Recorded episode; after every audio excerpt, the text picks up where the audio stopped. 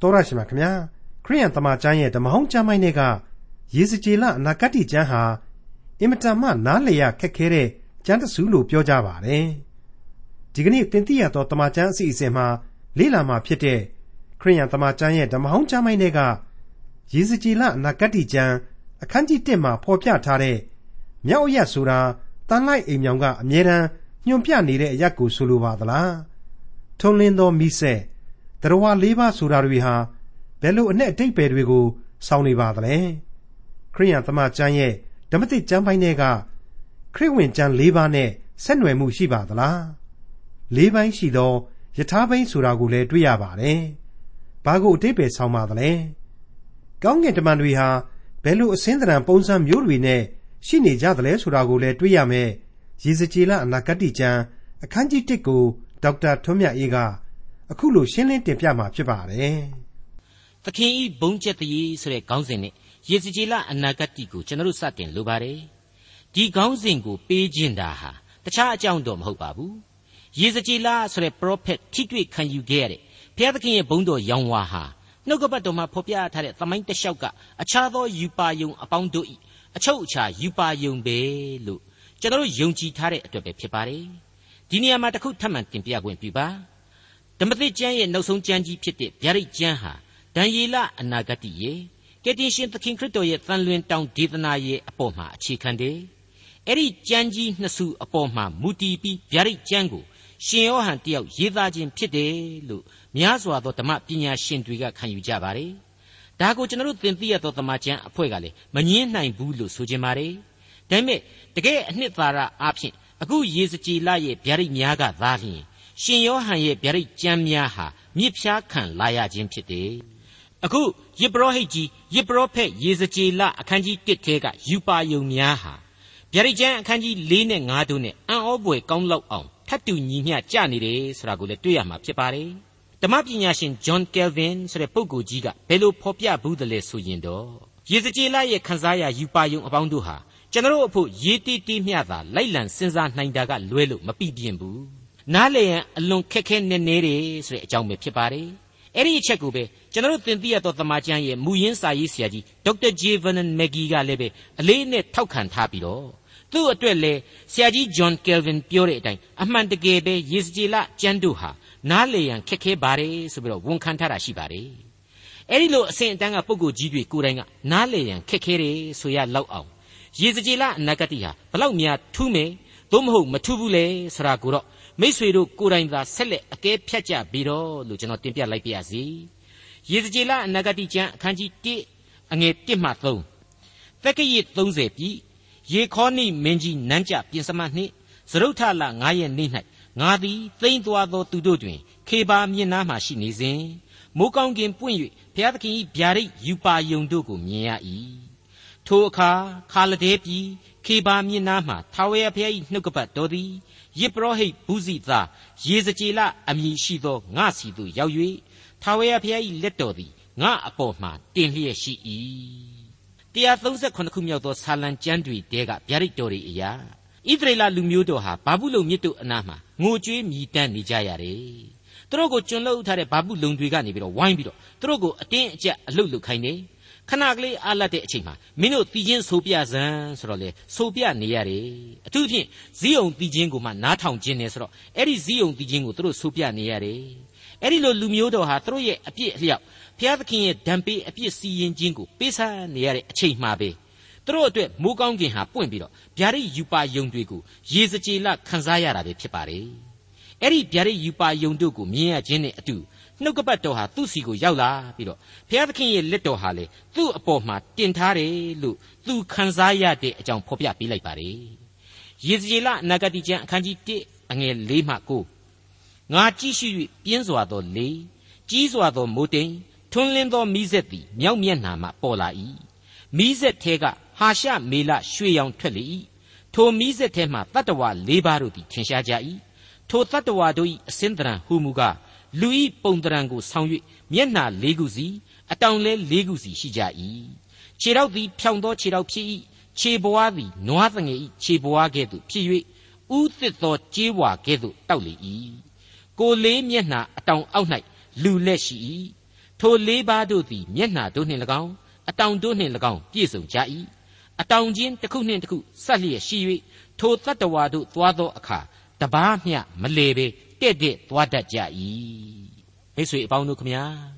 မြောက်ဖက်အရက်မျက်နှာဆိုတာဟာတကယ်တော့ဘုရားသခင်ရဲ့တီရှိရာအရက်ကိုတင်စားဆူဖွဲ့ထားခြင်းလို့ကျွန်တော်တို့ခံယူပါတယ်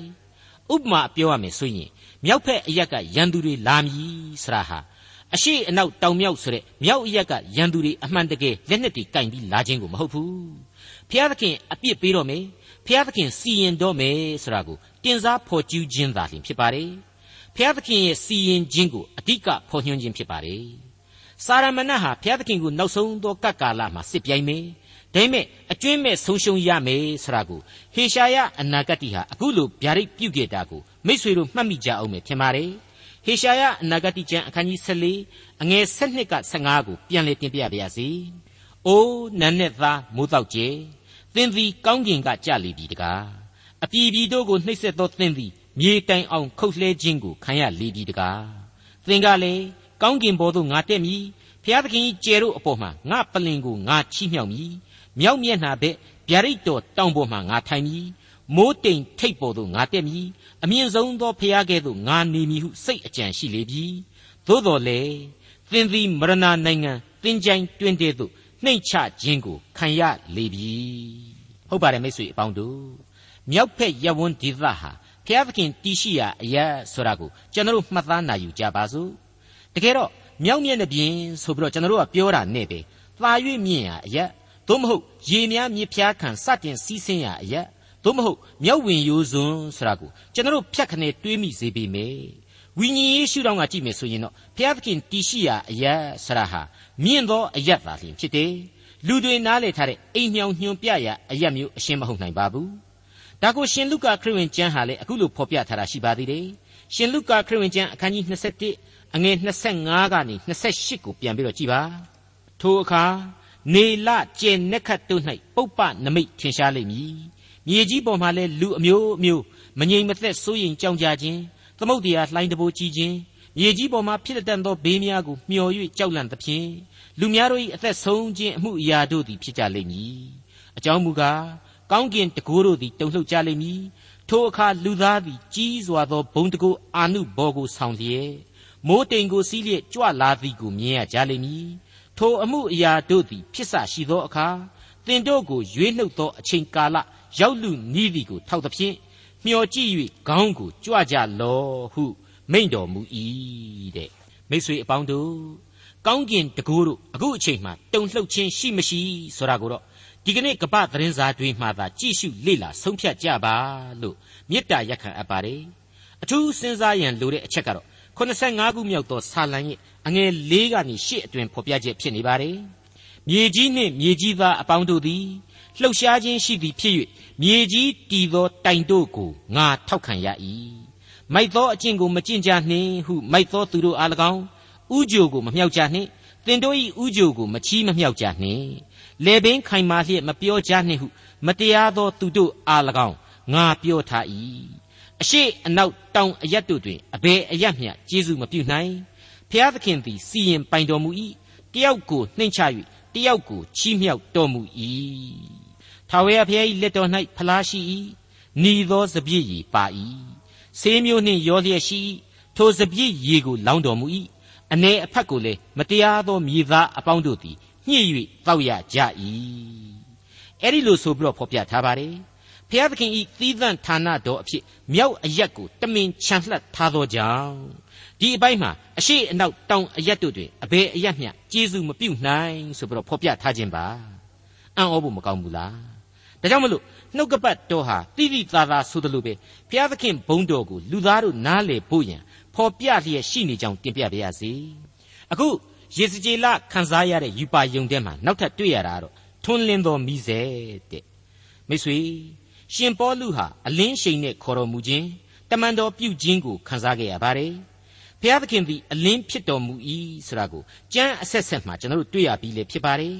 ဟေဘရဲဩဝါဒစာအခန်းကြီး7အငယ်29ကြပြန်တော့လေငါတို့ဖျားသခင်သည်လောင်သောမိဖြစ်တော်မူ၏လို့ဆိုထားပြန်ပါတယ်ဒါဆိုရင်ထွန်းလင်းသောမိစေဆရာဟာ ဘုရားသခင်ရဲ့ဘုန်းတော်ကိုဖော်ပြနေတယ်ဆိုတာကိုကျွန်တော်အံ့ဩတုန်လှုပ်ဖွယ်ရနားလည်လာရပြန်ပါတယ်အဲ့ဒီထွန်းလင်းသောမိစက်ထဲမှာမှသတ္တဝါ၄ပါးထင်ရှားနေတယ်အဲ့ဒီ၄ပါးတို့ဟာမျက်နှာတို့နှင့်၎င်းအတောင်တို့နှင့်၎င်းပြည့်စုံနေတယ်တဲ့ထိုတတ္တဝါ၄ပါးဆရာဟာလူဤတရံကိုစောင့်နေပြန်တယ်တဲ့အဲ့ဒါဟာလူသားဖြစ်သောကယ်တင်ရှင်သခင်ခရစ်တော်အဖြစ်တပေါင်းတစည်းဒီပေါ်ထွန်းလာစီတယ်ဆိုတာဟာရှင်းနေပါတယ် ဒီနေရာမှာနောက်ထပ်အလေးအနက်ပြုပြီးတော့စဉ်းစားဖို့လိုတာကတော့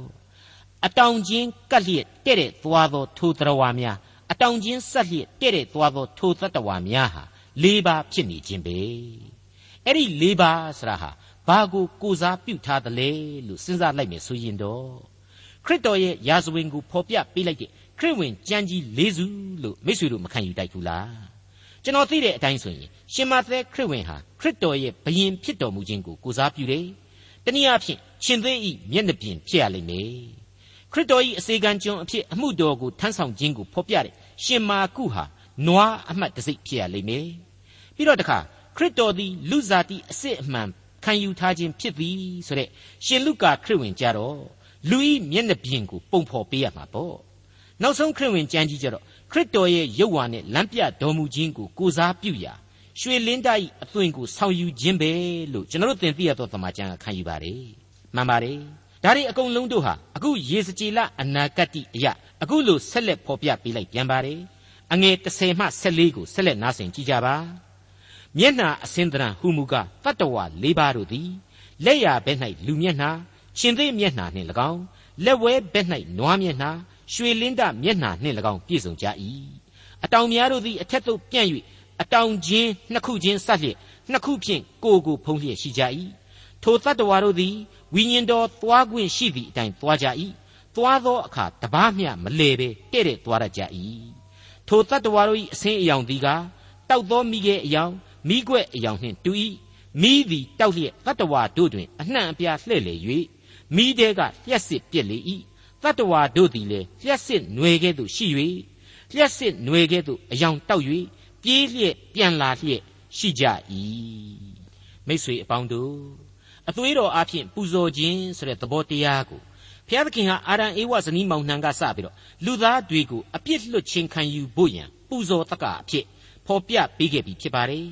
မောရှိခေတ်မှာကြတော့လေတဲတော်အတွင်းကအသန့်ရှင်းဆုံးသောဗြိညင်တစ်တာတော်ဆရာဟာ အသွေးနဲ့ဖြန့်ပက်ပေးရအရာဖြစ်ခဲ့ပါတယ်အဲ့ဒီလိုအသွေးတော်အဖြစ်သာအပြစ်မှလွတ်ကင်းခြင်းရှိမယ်ဆိုတာကိုသမိုင်းမှာဖော်ကျူးပြသခဲ့ပြီးတဲ့နောက်အဲ့ဒီသစ္စာတရားစစ်အမှန်ကိုစောင့်ကြပ်ကြည့်ရှုစေတာကတော့ခေရုဘိန်လို့ခေါ်တဲ့အထူးကောင်းကင်တမန်တော်တို့ပဲဖြစ်ခဲ့ပါတယ်ထို့သောလူကိုနှင်ထုတ်ပြီးလျှင်အသက်ပင်လန်းကိုစောင့်ရှောက်စေခြင်းဟာမိစက်လက်နှင့်တကွခေရုဘိန်တို့ကိုဥယျင်အရှိဘက်၌ထားတော်မူ၏တဲ့ အဲ့ဒါဟာကဘာဦးကျမ်းအခန်းကြီး3ရဲ့ဏိဂုံးပိုင်းမှာဘုရားသခင်ဖော်ပြပေးခဲ့တဲ့အချက်ပါပဲဒါဟာခေရုဘိန်လို့ခေါ်တဲ့အထူးကောင်းကင်တမန်တို့တည်ရှိခြင်းကိုဖော်ပြခြင်းဖြစ်ပါတယ်အဲ့ဒီလိုပါပဲထွမြောက်ရာကျမ်းတဲကတဲတော်ကိုတိဆောက်စေတဲ့နေရာမှာလေခေရုဘိန်တို့အကြောင်းဟာအခုလိုဖော်ပြလာပြန်ပါတယ်တစ်တာအဖုံးကိုတစ်တာဘောမှာတင်ရမည်ငါပေးသောသက်သေခံချက်ကိုလည်းတစ်တာတဲမှာထားရမည်ထိုအရ၌ငါသည်သင်နှင့်တွေ့၍ သက်သေခံချက်ထားသောတစ်တာဖုံအပေါ်ခေရုဘိန်နှစ်ပါးစัจ जा မှာသင်ကိုနှုတ်ဆက်သဖြင့်ဣသရေလအမျိုးသားတို့၌ဆင့်ဆိုရာသမျှတို့ကိုစီရင်မည်ဒါဟာခေရုဘိန်ဆိုတဲ့အထူးအမှုဆောင်ကောင်းကင်တမန်တို့ကိုဖျားသခင်အရေးတကြီးချထားခြင်းအကြောင်းမြင်ကွင်းများပဲဖြစ်ပါတယ်အခုမျက်နှာပြင်လေးခုနဲ့ရေစကြည်လဖော်ပြပေးလိုက်တဲ့ဝိညာဉ်တော်သွားခွင့်ရှိသည့်အတိုင်းသွားရ၍သွားသောအခါမှာလေတပားမျှမလဲပဲတဲ့တဲ့သွားရကြတဲ့ လျှက်စစ်ຫນွေကဲ့သို့အယောင်တောက်သောအရာအဲ့ဒီထူးဆန်းသောအရာတို့သည်ခေရုဗိမ်များအဖြစ်သာလျှင်သီးသန့်ပေါ်ထွက်လာရခြင်းဖြစ်ပါတယ်သူတို့အားလုံးပေါင်းစုတဲ့အခါမှာတော့လူသားဖြစ်တဲ့ကေတင်ရှင်ဤလူစားတိကိုခံယူခြင်းအကြောင်းကိုသိသာစွာဖော်ညွှန်းပေးလိုက်ခြင်းပဲဖြစ်ပါတယ်ကေတင်ရှင်ဟာအသွေးတော်နဲ့တင်လှူပူဇော်ခြင်းအစဉ်အလာကိုလူစားတိဘဝခံယူပြီးတော့ကိုယ်တိုင်ဖြည့်ဆည်းပြည့်မြောက်စေခဲ့ပြီလေဖြစ်ပါတယ်ဒါကြောင့်မို့လို့လေလူသားတို့ရဲ့ဘဝမျှော်လင့်ချက်ဟာ သူ့ရဲ့ကယ်တင်ခြင်းတရားအပေါ်မှာသာလျှင်အဓိကတည်မီနေကြောင်းကိုသူကိုယ်တိုင်ဟာကြီးညာပေးခဲ့ပါတယ်ရှင်ယောဟန်ခရစ်ဝင်ကျမ်းအခန်းကြီး14အငယ်6မှာပြန်ပြီးတော့ကြည်ပါယေရှုကငါသည်လမ်းခရီးဖြစ်၏တမာတရားလည်းဖြစ်၏အသက်လည်းဖြစ်၏ငါကိုအမိမပြုတ်လျင်အဘယ်သူမျှခမည်းတော်ထံသို့မရောက်ရတဲ့အဲ့ဒီလိုကယ်တင်ရှင်ကိုကိုစားပြုထားတဲ့တတ္တဝါ၄ပါးတို့ဟာတဲ့တယ်ပဲသွားတယ်တပားကိုတပားမှတခြားကိုလဲပတ်ခြင်းမရှိဘူးအဲ့ဒီဖော်ပြချက်နဲ့အတူ မိသည်တောက်လျက်လှဲ့လေနိုင်တယ်လျှက်စစ်ပြစ်တယ်လျှက်စစ်ຫນွေကဲ့သို့အယောင်တောက်၍ပြေးလျက်ပြန်လာလျက်ရှိသည်ဆိုရကိုပါပူးတွဲဖော်ပြထားပြန်ပါတယ်ဒါဟာသေချာစဉ်းစားကြည့်တော့မထူးဆန်းပါဘူးယေရှုကငါသည်ဤလောက၏အလင်းဖြစ်၏ငါနောက်သို့လိုက်သောသူသည်မှောင်မိုက်၌မသွားမလားအသက်ဤအလင်းကိုရလိမ့်မည်ဆိုပြီးတော့ဆက်လက်ကြီးညာပေးခဲ့ပြန်တာကိုအဲ့ဒီရှင်ယောဟန်ခရစ်ဝင်ကျမ်းအခန်းကြီး၈အငယ်၁၂ဟာဆက်လက်ဖော်ပြပြီးသားဖြစ်နေပြန်ပါတယ် အဲ့ဒီလိုပါပဲရှင်ယောဟန်ဩဝါဒစာပထမစာဆောင်အခန်းကြီး1အငယ်9ကနေ9အတွင်းမှာကျွန်တော်တို့အခုလိုတွေ့မြင်နိုင်ပါတယ်ထိုနှုတ်ကပတ်တော်ထံ၌ငါတို့သည်ကြားရ၍သင်တို့အားပြသသောတရားစကားဟုမူကားဖျားသခင်သည်အလင်းဖြစ်တော်မူ၏ဖျားသခင်၌မှောင်မိုက်အရှင်းမရှိငါတို့သည်ဖျားသခင်နှင့်မိသဟာယဖွဲ့ပြီးဟုဆိုလျက်ပင်မှောင်မိုက်၌ကျင်လေလျင်သစ္စာတရားကိုမကျင့်မှုသာကိုကျင့်သုံးသောသူဖြစ်ကြ၏ ဖျားသခင်သည်အလင်း၌ရှိတော်မူတဲ့ကဲ့သို့ငါတို့သည်အလင်း၌ကျင်လေလျင်အချင်းချင်းမိသဟာယဖွဲ့ခြင်းရှိကြသည်ဖြစ်၍ဖျားသခင်သားတော်ယေရှုခရစ်အသွေးတော်သည်ငါတို့အပြစ်ရှိသမျှကိုဆေးကြောတော်မူ၏ရှင်းနေပါတယ်ဖျားသခင်ရဲ့အလင်းအရှိန်ဟာအလွန်အလွန်ကြီးမားပါတယ်ခရစ်တော်၏အသွေးတော်အဖြစ်အပြစ်တရားမှယုံထွက်ပြီးမှသာလျှင်ဖျားသခင်နှင့်ထိုက်တန်သောလူသားဖြစ်ရပါလိမ့်မယ်မိတ်ဆွေအပေါင်းတို့ ဖျားသခင်ကိုလောကလူသားဘယ်သူမှမမြင်နိုင်ပါဘူးသူ့ကိုမြင်ရတယ်မြင်ရတယ်ဆိုတာတွေ့ဟာသူ့ရဲ့ဘုံတော်သူ့ရဲ့တမန်တော်သူ့ရဲ့ကိုစားပြုအရှိန်အဝါကိုသာမြင်ရခြင်းမျှသာဖြစ်ပါတယ်ထွတ်မြောက်ရာကျမ်းမှာဘုရားသခင်ကိုသိပြီးတော့မြင်တွေ့လို့တဲ့မောရှိအတွက်ဘုရားသခင်ဟာအခုလိုမိန့်မှာခြင်းပြုခဲ့ပါတယ်ထွတ်မြောက်ရာကျမ်းအခန်းကြီး33အငယ်16မှ23ကိုပြန်ပြီးတော့ကြည်ပါတဖန်တုံကိုတော်ဤဘုံကိုအကျွန်ုပ်အားပြတော်မူပါ အကျွန်ုပ်တောင်းပန်ပါ၏ဟုလျှောက်ဖြင့်ထာဝရဘုရားကငါဤကောင်းမွန်ခြင်းရှိသမျှကိုသင်ရှိ၌ငါလျှောက်သွားစေမည်ထာဝရဘုရား၏နာမတော်ကိုလည်းသိရှိ၌ငါကြွေးကြော်မည်ငါသည်ကျေးဇူးပြုလိုသောသူကိုကျေးဇူးပြုမည်သနာလိုသောသူကိုလည်းသနာမည်တို့ရာတွင်သင်သည်ငါမျက်နှာကိုမမြင်နိုင်ရာငါမျက်နှာကိုမြင်လျင်အသက်ရှင်ရသောလူတစုံတယောက်မျှမရှိဟု၍၎င်းငါအနားမှနေရာတစ်ခုရှိ၏ သင်သည်ကြောက်ပေါ်မှရရမည်ငါဘုံလျှောက်သွားသောအခါသင်ကိုကြောက်ကြား၌ငါသွင်းထား၍ငါကြွသွားသည့်အခိုက်သင့်ကိုငါလက်နှင့်ဖုံးအုပ်မည်ငါလက်ကိုသိမ့်ရုပ်သောအခါငါကြောကိုသာမြင်ရမည်ငါမျက်နှာကိုမမြင်ရဟု၍၎င်းမိန့်တော်မူ၏ရှင်းနေတာပါပဲမိတ်ဆွေအပေါင်းတို့လောကအသက်တာမှာဘုရားသခင်ကိုမြင်တွေ့လိုတဲ့စိတ်အခြေခံနဲ့သာလျှင် လူတ attva များဟာဘုရားသခင်ကိုရုပ်တရက်နဲ့ဖန်တီးခြင်းတာကိုတောင်းမှဘုရားသခင်ဟာအရှင်းခွင့်မပြုနိုင်ခဲ့ပါဘူးဒါကြောင့်မလို့လေရုပ်တုစင်တုကိုကိုအဖို့မသွန်းမလုပ်ရဆိုပြီးတော့မှားကြားခဲ့တာပါကိစ္စမရှိပါဘူးမိတ်ဆွေဘုရားသခင်ကိုအမှန်တောင့်တတဲ့လူသားတို့အတွက်ကယ်တင်ခြင်းသို့ရောက်စေသူခရစ်တော်ဒီဟုသောကြောက်တော်မှာခိုနားခွင့်ပေးထားပါတယ်ခရစ်တော်အဖျင်ကြောက်မှအသက်ဆန်းရည်ကိုခံယူပြီးတော့ကောင်းကင်ဘုံမှာဘုရားသခင်ကိုအသေးအချာဖူးမြော်ခွင့်ရှိနေပါတယ် ယေဇကျေလအနာဂတိကျမ်းအခန်းကြီး1ဟာအခုလိုဆက်လက်ဖော်ပြပေးပြန်ပါတယ်ယေဇကျေလအနာဂတိကျမ်းအခန်းကြီး1အငယ်15မှ21ကိုဆက်ပြီးတော့နားဆွင့်ကြည့်စေချင်ပါတယ်ထိုတတ္တဝါတို့ကိုငါကြည့်ရှုစဉ်သူတို့အနားမှာလေးပိုင်းရှိသောယထာဘိန်တစ်ခုစီထင်ရှား၏ထိုယထာဘိန်တို့၏အစင်းအယောင်သည်ကကြောက်မြဲ့၍အစင်းအယောင်နှင့်တူ၏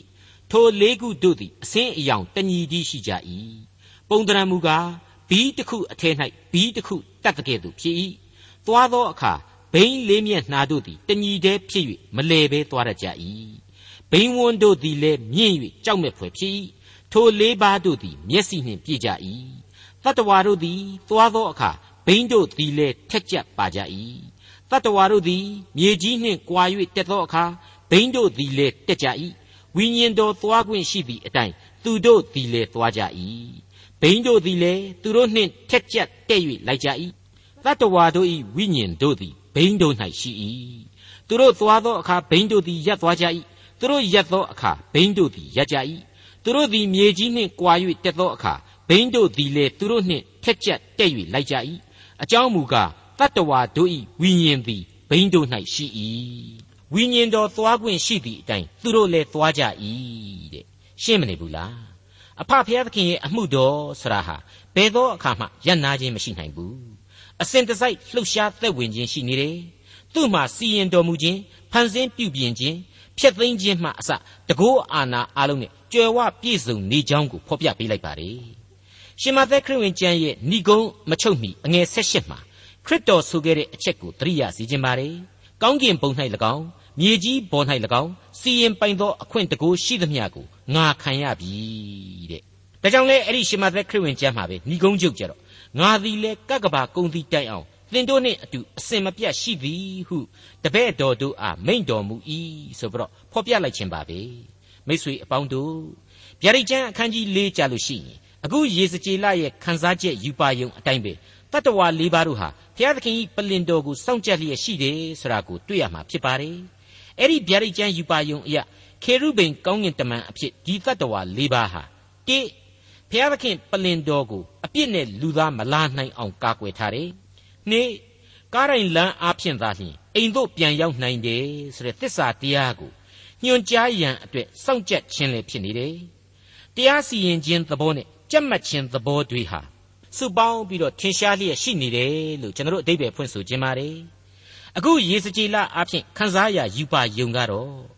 အလွန်လူဘဝအတွက်ပုံမအရေးကြီးသောဝိညာဉ်ရေးအသည့်ကိုထိတွေ့ခန်းစားရစီတယ်လို့ကျွန်တော်ဆိုချင်ပါတယ်။စัจ java လာအနန္တတဲကအမုံအမွှားကလေးတစ်ခုနဲ့သာတူတဲ့လူသားတို့မြေလောကကိုဘုရားသခင်ဘယ်မျှလောက်ချစ်တယ်။ကယ်တင်ရှင်သခင်ခရစ်တော်အဖင်ဘယ်မျှအထိလွှမ်းမိုးထားတော်မူတယ်။ဘုံတကူတော်ဟာဘလောက်ထိကြီးမားတယ်ဆိုတာတွေ့ကိုလူသားတိုင်းနားလည်စေတယ်လို့ကျွန်တော်ဆိုချင်ပါတယ်။ယေဇကျေလနဂတိကျမ်းအခန်းကြီး1 အငယ်22မှ25ထိုတတ္တဝါတို့၏ခေါင်းများအပေါ်မှာမိုးမျက်နှာကျက်၏အဆင်းအယောင်သည်ရှိ၍ကြောက်မဲ့ဖွယ်သောကြောက်တလင်းမျက်နှာကျက်ကဲ့သို့ဖြစ်၏မိုးမျက်နှာကျက်အောက်မှသူတို့အတောင်များသည်တစ်ခုသို့တစ်ခုတဲ့တဲ့ပြန့်လျက်ရှိ၍ပြင်ပက်၌လေကိုကိုဖုံးเสียဖို့အတောင်နှစ်ခုစီရှိ၏သူတို့သွားသောအခါသမုတ်တရားရေသံကဲ့သို့၎င်းအနန္တတကုရှင်အသံတော်ကဲ့သို့၎င်းအတောင်တို့မြည်သောအသံကိုငါကြား၏ စကားသံသည်လည်းလူအလုံးအင်းဤစကားသံကဲ့သို့ဖြစ်၏ရက်သောအခါအတောင်တို့ကိုချလျက်နေကြ၏ရက်၍အတောင်တို့ကိုချသောအခါသူတို့၏ခေါင်းများအပေါ်မှာမိုးမျက်နှာကျက်ထဲကစကားသံသည်ထွက်၏ရှင်းနေပါပြီမိုးကောင်းကင်ဘော်ကနေဆင်းသက်ခြင်းဖြစ်ပါတယ်မြေလောကနဲ့လူသားတို့စီတို့သီးသန့်ပြတ်သားသောဘုံတကူတော်အယောင်ဝါပဲဖြစ်ပါတယ်ယေဇကျေလအနဂတိကျမ်းအခန်းကြီး1အငယ်26မှ28 သူတို့၏ခေါင်းများအထက်မိုးမျက်နှာကျက်အပေါ်၌လေနီလာကြောက်ကဲ့သို့အဆင်းအယောင်ရှိသောယာဇပလင်သရံပေါ်၏ပလင်သရံအပေါ်၌လေလူပုံသရံကဲ့သို့ပေါ်၏ပလင်အတွင်း၌၎င်းပတ်လည်၌၎င်းခါသရံမှသည်အထက်ပိုင်း၌ဟာရှမေလရွှေအယောင်နှင့်မီးအယောင်ကဲ့သို့ထင်ရှား၏အောက်ပိုင်း၌မီးအယောင်ကဲ့သို့ထင်ရှား၍ပတ်လည်၌ထွန်းတောက်လေ၏ထိုသောထွန်းတောက်သောအယောင်သည်မိုးရွာသောနေ့တွင် မိုးတိမ်၌ပေါ်သောသက်တိုင်အယောင်ကဲ့သို့ဖြစ်၏ဤ၍ကထာဝရဘုရား၏ဘုန်းတော်တရံအဆင်းအယောင်ဖြစ်သည်မိတ်ဆွေအပေါင်းတို့ရေစကြည်လလောက်ဘုရားသခင်ရဲ့ဘုန်းတော်တရံအဆင်းအယောင်မျိုးကိုမောရှိတယောက်မမြင်မတွေ့ခဲ့ရပါဘူးဒါဝိဒ်လည်းဒီအတိုင်းပဲရေစကြည်လလို့မမြင်ခဲ့ရပါဘူးဟေရှာယယေရမိဒံယေလတို့လည်းမမြင်ခဲ့ကြရပါဘူးဣသရေလသမိုင်းကတပည့်တော်12ပါးအပါအဝင်လူပေါင်းများစွာတို့အပြင်ယောမလူမျိုးတွေ Greek တွေဟာခရစ်တော်ကိုမြင်မှုခဲ့ပါတယ်လူစားတိဝိယုံနဲ့ဘုရားသခင်ရဲ့ဘုန်းတော်ရောင်းချီကိုဒီလူတွေလည်းခရစ်တော်စီမှမတွေ့ခဲ့ကြရပါဘူးသူတို့တွေ့ခဲ့ကြရတာဟာအသွေးတော်အဖြစ်ကဲတင်ခြင်းကိုပြုတော်မူသောဂျေဇုတော်နဲ့ဂယုနာတော်ပဲဖြစ်ခဲ့ပါတယ်အဲ့ဒီလိုဘုရားသခင်ရဲ့ဘုန်းတော်ကိုခန်းစားရခြင်းမှာရေစကြည်လဘယ်လိုခန်းစားလိုက်ရတယ်ဆိုတာကိုတော့အခန်းကြီး2ရဲ့အငယ်1ဟာဆက်ဆက်ပေးလိုက်ပါတယ်ရေစကြည်လအနာဂတိကျမ်းအခန်းကြီး2အငယ်1 ထိုဗျာဒိတ်ယူပါယုံကိုငါသည်မြင်သောအခါပြတ်ဝတ်လျက်နေ၏ဆုတောင်းကြပါစို့ကောင်းကင်ဘုံ၌ရှိတော်မူ၍ကျွန်တော်တို့တူးစီတို့ကိုကျေးဇူးအစဉ်ပြုတော်မူသောအဖမြတ်စွာဘုရားသခင်ကျွန်တော်ကျမတို့၏ကျူးလွန်မိခဲ့သောဒုစရိုက်အပြစ်အလုံးစုံတို့မှကိုရရှင်သည်အသွေးတော်နှင့်ရွေးချယ်၍ကယ်တင်ခြင်းကျေးဇူးကိုပြုတော်မူသောကြောင့်ကျေးဇူးအထူးတင်ပါ၏။အိုဖမြတ်စွာဘုရားသခင်လူဘဝအသက်တာတွင်ကိုတော်မရှိလျင်ဘယ်နည်းနဲ့မှ ထာဝရအသက်ရှင်သန်ခြင်းအခွင့်ကိုမရနိုင်ကြောင်းကိုကျွန်တော်တို့သည်အစဉ်တစိုက်နားလည်၍အစဉ်သဖြင့်သခင်နှင့်ထာဝရအသက်ရှင်နိုင်ဖို့အခွင့်ကိုပေးသနာတော်မူပါ။ဥပမာဆောဘုရားသခင်ကျွန်တော်တို့လွန်ကျူးဆွေးမိခဲ့သောအပြစ်လုံးစုံတို့ကိုလည်းဖြည့်လို့ဖြည့်ရှင်းတော်မူပါ။ဤသင်သိရသောတမန်ကျမ်းများကိုစိတ်ပါဝင်စားစွာနာတော်တဆင်းလျက်ရှိကြသောမိတ်ဆွေသင်္ကာတူးစီနှင့်သူတို့၏မိသားစုအိမ်တောင်တိုင်းတို့ပေါ်မှလေလူတို့ကြံစည်၍မမိနိုင်သောကောင်းမြင်ကလာအမျိုးမျိုးကိုခြာပေးမှသာသနာတော်မူပါ ကိုရရှင်၏ဗျာဒိတ်ယူပါယုံများအကြောင်းကိုဆိုဖွဲ့လျက်ရှိသောအနာဂတ်ကျမ်းတို့သည်ကျွန်တော်လူသားမညောင်များတို့၏အုံနှောက်ဖြင့်လွန်စွာမျှအပြေရှာရန်ခက်ပါ၏ထို့ကြောင့်ဝိညာဉ်ခွန်အားကိုပြီးတော်မူပါကိုရောရှင်ကိုရောတိုင်းလမ်းပြ၍အသက်လမ်းကိုမြင်တွေ့ရသည့်တိုင်အောင်ကျေးဇူးပြုတော်မူပါမည်အကြောင်းသားတော်ရှင်သခင်ခရစ်တော်၏မဟာနာမတော်ကိုအမိပြု၍အလွန်ယိုသေးလေးမြတ်ခြင်းဖြင့်ဆုတောင်းအသနာခံဝန်ပါသည်အဖဖျားအာမင်ဒေါက်တာထွန်းမြတ်ရေးစီစဉ်တင်ဆက်တဲ့ တင်ပြတော်တမချန်းအစီအစဉ်ဖြစ်ပါတယ်နောက်တစ်ချိန်အစီအစဉ်မှာခရိယန်တမချန်းရဲ့ဓမ္မဟောင်းကျမ်းပိုင်းတွေကယေစကြည်လအနာဂတ်ကျမ်းအခန်းကြီး2နဲ့အခန်းကြီး3အခန်းငယ်1ကနေ9အထိကိုလေ့လာမှာဖြစ်တဲ့အတွက်စောင့်မျှော်နားဆင်နိုင်ပါတယ်။